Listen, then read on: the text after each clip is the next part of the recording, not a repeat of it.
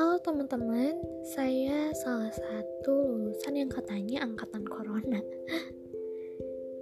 ya, di sini saya buat podcast karena memang interest sama yang namanya ilmu komunikasi dan hal-hal yang berbau dengan komunikasi.